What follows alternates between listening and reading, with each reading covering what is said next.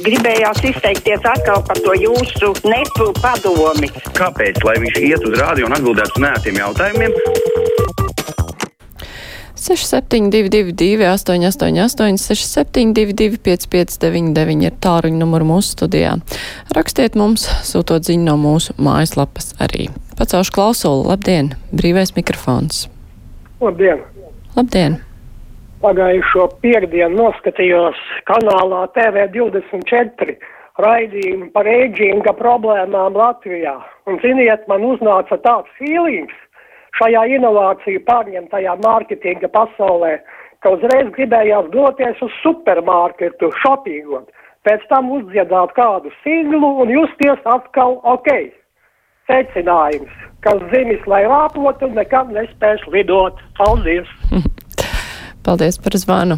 Klausītājs Roberto savukārt ironiski raksta. Foršs Latvijas radio viens raidījums par Maldīviju. Latvijas seniori drīz saņems pensijas indeksāciju un varēs aizbraukt atpūsties. Paldies valdībai un Latvijas radio viens. Tā Roberto raksta. Celšu klausulu, brīvais mikrofons, labdien! Labdien! Labdien! Katru dienu šogad ir tik daudz informācijas, ka reizēm ir grūti visu sa saprast. Un šogad ir pensijas indeksē no 1. augusta, un man nav skaidrs, kāpēc šogad ir ātrāk. Un arī netiku dzirdēt nekādu pamatojumu, kāpēc šogad tas ir nepieciešams ātrāk izdarīt, un kurš to ierosināja. Jo cenas taču augs, auga līdz 1. augustam, un augs arī tālāk arī līdz 1. oktobrim. Un man nav skaidra šī situācija. Varbūt kāds gudrs cilvēks varētu izskaidrot to visu. Nu, Paldies. jā, lūdzu. Nu, viena lieta ir tas vēlēšana tuvums, kas, protams, ļoti mudina domāt par to, ka vajag domāt par ātrāku pensijas indeksāciju. Nu, bet tas ir tas neoficiālais. Jā, nu, politiķi dažādi diskutē par to, ka strauji kāpošu cenu apstākļos ir nepieciešams pensiju indeksēt, nu, ne reizi gadā, bet biežāk. Nu, un tad bija strīdi, kad tad īsti to darīt, jo katrs mēnesis ar ātrāk indeksētu pensiju izmaksā dārgāk. Nu, un tad beigās vienojās par tādu samērā nelielu pātrinājumu indeksācijai no ātrāku. Tā kā bija jau rosinājums to darīt vēl ātrāk. Redzēs, kā būs tālāk. Tur tie skaidrojumi ir tādi, nu, skaidrojums, kāpēc, tāpēc, ka ir inflācija. Nu, tā, klausītājs zvanam. Lūdzu. Labdien, esat ēterā. Labdien! Man ir priekšlikums visai latviešu tautai. Vai es varētu izteikt to tagad? Jā, jā, lūdzu.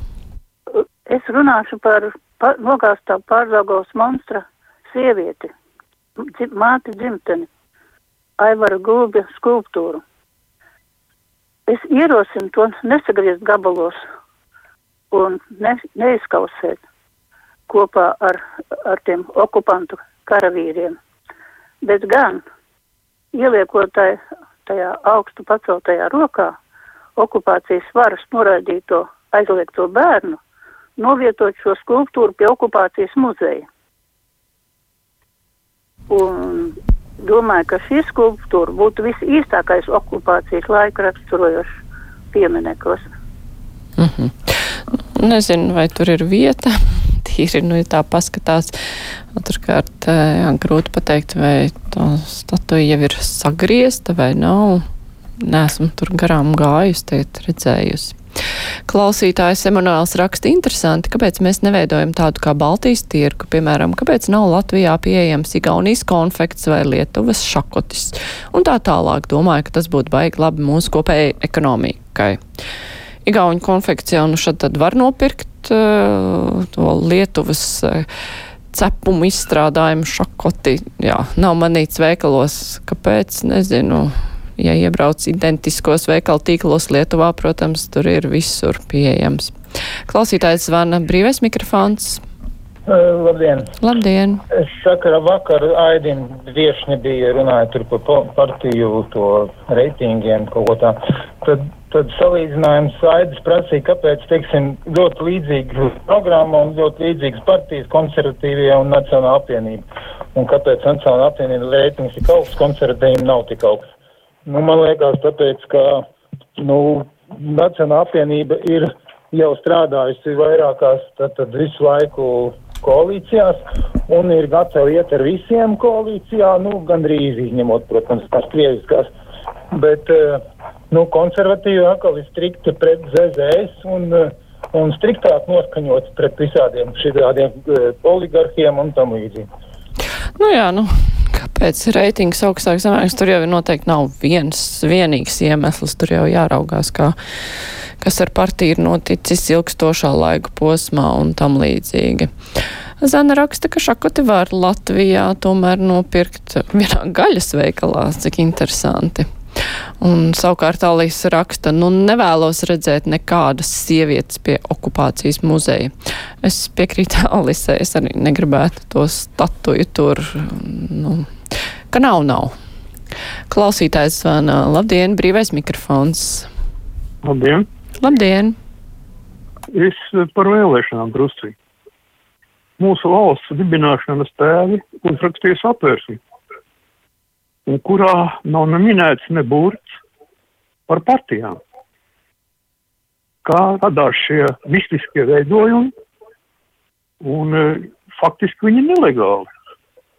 Un vēlēšanām būtu jānotiek e, mandātu apgabalos, kur jau tagad ir izveidots kā novadi, vai vienu vai divu mandātu apgabali pēc platības un iedzīvotāju skaita būtu saima šīs veidojumi, šīs koruptīvie grupējumi nav likumīgi.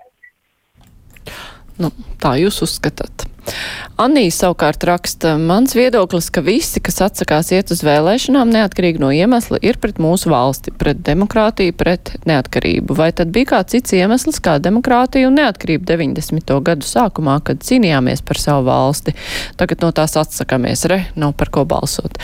Arī žurnālistiem tas būtu vairāk jāuzsver, tā raksta klausītāja Annija.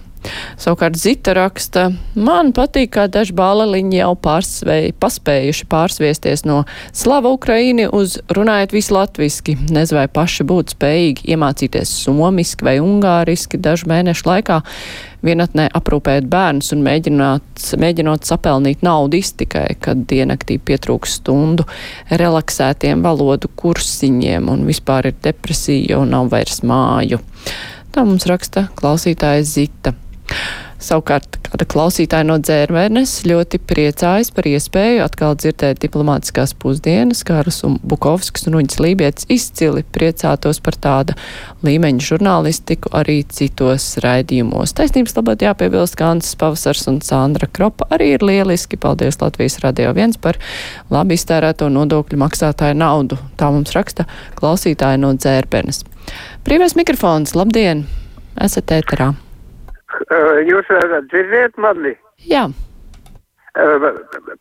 Partijas, kuras pārvalda, pārvaldībā ir pašvaldības un kuras noteikuši septiņu reizi lielāku nekustamā īpašuma nodokli par dārza mājām, ja tajās nav deklarējies neviens ne iedzīvotājs šīm partijām jārēķinās ar tūkstošiem uh, neievēlēt, nevēlēto uh, cilvēku, kas ar viņām balsotu. Tagad, nu, ar vārdu sakot, jaunās pašvaldības noteikuši ir jaunu kārtību, jāmaksā divreiz lielāks nodoklis, ja tajās nav deklarējies dzīves vietu uh, mājas īpašnieks. Nu, un eh, šie mājas īpašnieki jau tagad ir 80, 90 gadu veci. Uh, nevar saprast, kā partijas var kaut ko tādu atļauties un uh, likt 90, 80 invalīdiem Eh, reģistrēties neapdzīvojamā mājā. Jā, nu, jā, es sapratu domu. Nu, parasti Nu, tā ir viena lieta, ko noteikti vēlētāji grib dzirdēt pirms vēlēšanām, kā partijas tomēr risināt jautājumu ar nekustamā īpašuma nodokli. Tas satrauc daudzus. Bet nu, parastais arguments ir, nu, tas ir pašvaldības ziņā. Pašvaldībām ir visas iespējas atbalstīt savus iedzīvotājus. Tā to bumbiņu mētā mūždien. Pacaušu klausuli. Brīvais mikrofons. Labdien! Labdien! Labdien! Es gribu runāt par vēju parku. To lielo vēju parku, ko grib celt Latvijā, vajag padomāt, kādas būs sekas, vai mums būs kāds koks vai kāda lauksaimniecība varēs arī notikt normāli. Paldies! Latvieši esiet modri un skatieties, kas notiek ar Latviju. Jā, paldies nu, par vējparkiem. Tur tas ir atsevišķas diskusijas vērts jautājums. Agnese gribētu, lai Latvijas radio paskaidro, kā saprotams Ukrainas prezidenta padomnieka izteikums, ka Latvija arī jāgatavojas karam, jo karš būs, kā gatavoties, vai valsts institūcijām ir plāns, ko darīt vienkāršiem cilvēkam kara gadījumā. Paldies! Nu, runājot par šo interviju, tur ir daudz pārpratumu. Tur ir vairāk tas akcents ir uz to, ka, nu, ja tā pārfrazējot, gribi mieru, gatavojies karam, nu, ka vienkārši valstī ir jābūt gatavai, ka ir jākaro, un tas ir vislabākais veids panākt, lai kara nav. Un tāpēc daudz cilvēku izlasīja to virsrakstu un ir sabijušies. Bet jā, bet uh, diskusija par to, saruna par to, skaidrojums par to, nu, kā, ko gaidīt cilvēkam kara gadījumā vai ārkārtas situācijā. Tas, protams, ir vienmēr nepieciešams, jo vislabākā sagatavošanās uh, un tāda mieri, miera gūšana ir, ja tu zini, kā rīkosies kādā kritiskā situācijā. Tā Likija raksta ierosina okupantu uzvaras pieminiektu sievieti novietot bijušajā zeltiņa kodolraķešu bāzē blakus Ļeņina galvai. Vēl tāds ierosinājums mums ir parādījies. Bet brīvais mikrofons ar to izskan